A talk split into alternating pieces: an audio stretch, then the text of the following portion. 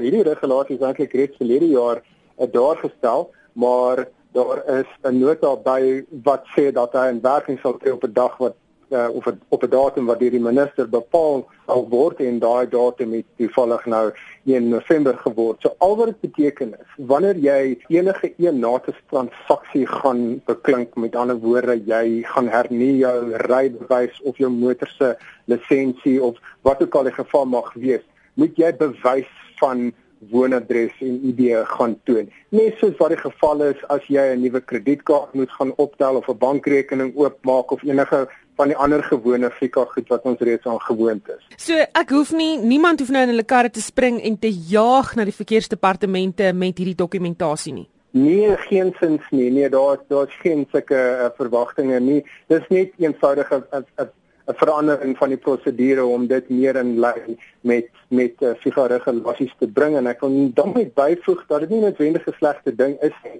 Daar's baie mense byvoorbeeld wat nie hulle verkeersboetes betaal nie of wat sien maar verdronk bestuur gearresteer word en dan kan hulle nie opgespoor word nie.